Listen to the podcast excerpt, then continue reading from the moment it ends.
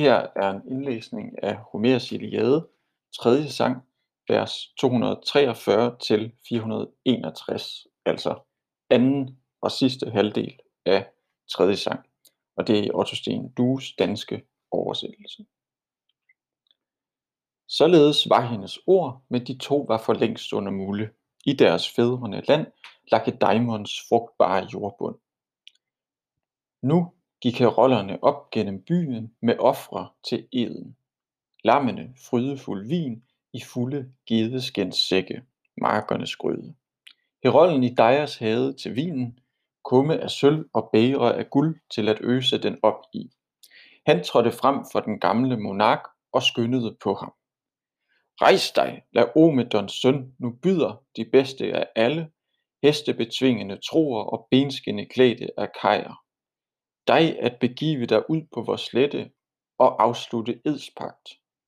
Så skal din søn Alexander og krigsgudens ven Menelaos kæmpe en kamp med hinanden på vældige lanser om kvinden. Den, der sejrer i striden, får hende og alt, hvad hun ejer. Alle vi andre skal slutte en pagt og sværge på venskab. Bo i det muldrige Troja og sejle tilbage til Argos. Hesteopdrættende land og de smukke kvinders Akaja. Det var hans ord, og det gøs i gamlingen, men han befalede folkene at spænde for, og straks parerede de ordre. Priamos steg der til vogns og strammede tømmerne til sig, og i hans prægtige vogn tog Antenor plads ved hans side. Så for de begge to ud igennem de skajiske porte, og da de kom til troernes her og akajernes skare, steg de af vognen og gik på jorden, der nærer os alle, ind på den åbne plads imellem akajer og troer. Da trådte mændene stråt Agamemnon frem med det samme. Også den snille Odysseus stod frem, de kække heroller, samlede de hellige ofre til eden og blandede vinen.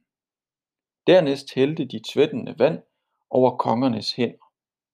Og Agamemnon drog med sin hånd den kniv, som han altid bar ved siden af sværets gevaldige skede og afskar.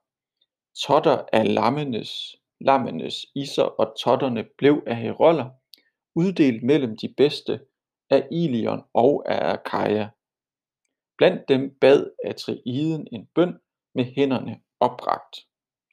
Alfader Zeus, der hersker fra Ida, du største og bedste. Sol, hvis øje ser alt og som hører hver eneste ytring. Floder og jord og I, der i underverdenen straffer. Mennesker, når de er døde, i fald de har svoret en mened. Vær vor vidner og vogt den dyre ed vi vil svæve. Hvis Alexander i kampen i dag får dræbt Menelaos, skal han besidde Helene og alt hvad hun ejer med rette. Medens vi selv drager bort på de højsøfarende skibe. Men hvis den lysblonde drot Menelaos slår Alexandros, da giver troerne hende og alt, hvad hun ejer tilbage, og skal betale Agajernes folk en passende bøde. En, der kan stå som eksempel for endnu ufødte slægter. Der som Priamos selv og hans sønner ikke betaler boden til mig, så snart Alexander er faldet i striden, bliver jeg her, hvor jeg er, og slås for denne erstatning, indtil jeg får, hvad jeg vil, og finder en ende på krigen. Dermed tav han og åbnede med malmen lammenes struber, og lod dem ligge på jorden, der lå de og sprættede stadig. Skønt uden ånde og liv, deres kraft var forgået for bronzen. Derpå øste de vin fra kummen i deres bære, gød den på jorden og bad til de evigt levende guder, således lød det fra mange akajer og mange introer. Største og højeste Zeus og alle i evige guder. Lad I det folk af de to, der våger at bryde vor edspagt, knuses, så hjernerne flyder på jorden som vinen vi ofrer, deres og deres børns, og fremmede tage deres koner. Sådan bad de, men endnu var Søvs ikke sindet at lytte. Priamos, Dardanos ædling, tog der til ord i blandt dem. Hør nu på mig, både troer og benskinneklædte kajer.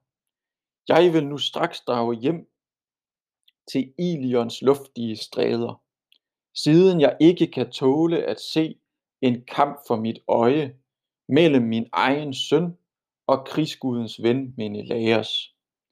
Kun Søvs ved, og de andre for evigt levende guder, hvem af disse to mænd, som døden nu er beskikket. Så lod den herlige drot de to lam ligge i vognen, trådte selv op deri og strammede tømmerne bagud. Og i hans prægtige vogn tog Antenor plads ved hans side. Begge kørte de så i en fart tilbage til Troja. Hector, Priamos søn og helten, den lyse Odysseus, målte nu først en kampplads ud og lagde så lodder ned i en hjelm af bronze og rystede dem for at få afgjort, hvem af de to, der først skulle kaste sit spyd mod den anden. Folkene ønskede og bad med hænderne åbne mod himlen. Således lød det fra mange akajer og mange introer. Alfader Zeus, der hersker fra Ida, du største og bedste. Lad du den mand af de to, der har voldt os alle de trængsler, være bestemt til at dø og forsvinde i Hades haller. Og lad os andre få sluttet for lige og skilles som venner. Således lød deres ord, men Hektor rystede med bortvendt ansigt hjelmen og udsprang løjet med Paris mærke. Alle satte sig ned i rækker, hvor hver havde tøjret, forspændets flyvende heste og lagt sin forsirede rustning. Men Alexander, den skønne Helenes prægtige mage, lagde sin skinnende rustning omkring sine kraftige skuldre. Allerførst spændte han skinnerne fast omkring sine lægge. Pragtfulde var de forsynet med sølvspænder nede om anklen.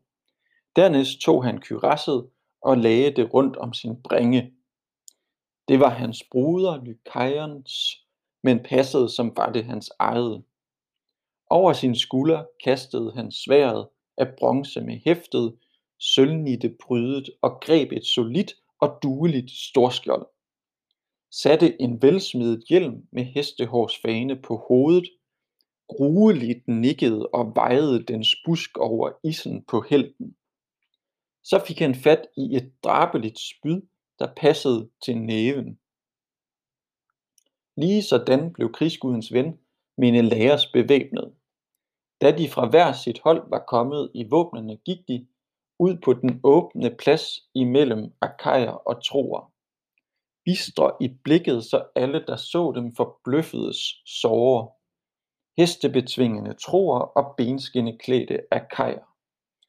Ansigt til ansigt stod de der, stod de så der på den udmålte kampplads, mens de svang deres lanser og truede olmt ad hinanden. Paris kastede først med sin langt hen skyggende lanse, ramte det fint balancerede skjold, som dækkede af triden, uden at bryde dets mellem, for øjen bøjede i slaget. Mod det solide skjold, og Atreus søn Menelaos sprang da frem med sit spyd og en bøn til Zeus på Olympen. Skænk mig kronieren at straffe den niding, der voldte mig uret. Priamos søn Alexander, og dræb ham for mine hænder, så man skal vogte sig for i mange kommende slægtled, at gøre uret mod den, der har vist sig gæstfri imod en. Dermed svang han og kastede sin langt hen skyggende lanse, ramte det fint balancerede skjold, som dækkede Paris, så at dens kraftige åd slog igennem dets skinnende flade, borede sig lige igennem Kyrasses forsirede panser foran ude ved flanken og rev ham en flænge i skjorten. Men Alexander fik drejet sig nok til at undvige døden. Atreus søn rev sværet med sølvnitte hæftet fra linden, rejste sig højt og huggede det fjenden i hjelmen, men klingen splindredes på den og sprang i tre-fire stykker af hæftet. Ærgerligt brølede han da med blikket op imod himlen. Alfader Søvs, så ond som dig er der ingen blandt guder. Her skulle jeg tage hævn over Paris nidringe adfærd. Og så går sværet i stykker i hænderne på mig, og lansen fløj mig forgæves af næven og fældede ikke min fjende. Så sprang han frem og greb sin fjende i helmen, i hjelmen med busken, vred ham omkring og trak ham afsted mod akajernes rækker. Og den broderede rem, der holdt hjelmen spændt under hagen, snærede sig ind i det bløde af halsen og kvalte ham næsten. Han havde slæbt ham ihjel og vundet usigeligheder, men Afrodite så i et nu den truende fare, og lod hans rem gå i tu, om end den var lavet af læder. Der stod så mine lærers med hjelmen, tom i sin næve. Helten slængte den hjem til de benskinneklædte akajer. Vivlende for den afsted og blev grebet af trofaste svende. Selv sprang han frem med sit spyd af malm for at myrde sin fjende. Ham havde dog Afrodite, så let som det er for en guddom, snappet af vejen og skjult i usynlighedståge og båret hjem i hans velvede kammer med alt det duft af parfume. Selv gik hun ud for at hente Helene og traf hende øverst oppe på murens krans i en kreds af troiske kvinder. Og hun så ud som den gamle mor Lil, hendes uldspindekone, som i sin tid, da hun endnu var hjemme i sit Daimon, spandt hendes livlige uld en kone, hun godt kunne lide. I sin forklædning rørte hun ved hendes duftende kåbe, rykkede i den og talte bevingede ord til Helene. Skynd dig og kom, Alexander vil have, du begiver dig hjemad. Han er i kammeret, sidder på sengenes, sengens polerede ramme. Skøn i sit prægtige tøj. Ham ville man ikke formode. Netop var kommet fra kamp, men tænke var klar til at danse, eller for nylig vendt hjem fra fest med dans og ballade.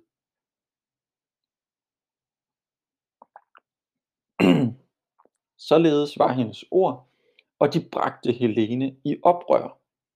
Men da hun kendte Gudindens forunderligt dejlige nakke, yndigt lokkende barm og klare og glimtende øjne, blev hun forbløffet og skræmt, tog til ord og sagde således. Sager Gudinde, hvorfor har du lyst til at narre mig sådan? Skal du nu føre mig længere væk til vrimlende steder, fjernt i Frygiens eller Majoniens dejlige lande. Der har du sagtens atter en ven af dødelig herkomst.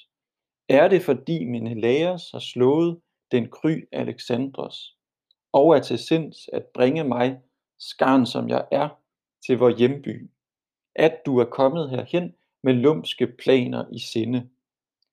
Tag du selv plads, tag du selv plads ved hans side, og vi fra gudernes veje. Sæt ikke mere din fod i Olympens evige haller. Suk du bestandig alene for ham og pas ham og plag ham, indtil han tager dig til viv, eller dog i det mindste til frille. Derhen begiver jeg mig ikke. Det ville jo vække skandale. Hans seng deler jeg ikke, så ville jo troernes kvinder sidenhen håne mig, mig som har talløse kvaler i hjertet. Men Afrodite blev vred og svarede Helene således. Vær ikke fræk og pas på, at jeg ikke lader dig i stikken, og i min vrede bliver lige så gram, som jeg nu er der gunstig. Da skal jeg puste til hadet imellem danæer og troer, så at den skæbne du får, bliver fæl og ubodeligt grusom. Med sine ord fik hun skræmt kronidens datter Helene. Svøbt i sit sølvhvide slag gik hun hjemad i tavshed, og ingen troiske kvinder så hende gå og følge gudinden. Og da de var nået frem til Paris prægtige bolig, gik hendes terner i gang med hver deres vanlige sysler. Selv gik den dejlige kvinde af trappen op i sit kammer. Til hende kom Afrodite, den smilende elskovsgudinde, selv med en stol, som hun satte ved siden af Alexandros. Ejgisholderens datter, Helene, satte sig i den. Uden at se på sin mand, så hun fat på at skælde og smille. Du kommer hjem fra krigen, men var du blot blevet på valen, dræbt af den stærke mand, jeg har haft som min forrige husbund. Før har du pralet og sagt, at du selv var en stærkere kæmpe, både på næve og lanse en krigsgudens ven Menelaos. Kom så afsted og æsk Menelaos til endnu en tvekamp, mand imod mand. Men nej, du må hellere holde dig fra det. Det er mit råd, og lad være med at møde den blonde Atride, hvis du er rigtig klog i krigenes slag eller tvekamp. Du kunne komme for skade at dø for hans kraftige lanse. Da tog Paris til ord og svarede sin kvinde således. Sov mig ikke, min hustru, med den slags krænkende tale. Denne gang vandt Menelaos ved hjælpen, han fik af Athene. Næste gang vinder vel jeg. Også os er der guder, der hjælper. Kom, lad os hellere glæde hinanden på lejet i elskov. Aldrig før er et sådan begær faldet over mit hjerte. Selv ikke da jeg med dig som mit bytte sejlede på havet, i mine skibe bort fra det yndige land Lakedaimon, og jeg på Kranaes ø for første gang nød dig på lejet, som jeg begærer dig nu og er fyldt af den livligste længsel. Dermed ledte han hende til lejet, og hun fulgte, og hun fulgte med ham. De to hvilede sig der på sengens flettede gjorder, men Atreiden gik rundt i troernes flok som et vilddyr, om han dog ikke et sted kunne se den kry Alexandros. Ingen af troerne selv eller af deres fælder formåede mere at udpege Paris for krigsgudens ven Menelaos. Ingen var ham så god at dække ham, om han blot så ham. Han var dem alle så led som dødens sorte dæmoner. Blandt dem tog der til ord den mægtige drot Agamemnon. Hør mig, troer, daner og i allierede styrker. Sejren er klart nok gået til krigsgudens ven Menelaos. Udlever Agajerinden Helene med samt dine skatte. Bød og betaler os en bod, som er rimelig for vores møje. En, der kan stå som eksempel for endnu ufødte slægter. Det var Atridens ord, fra akajerne brøledes bifald.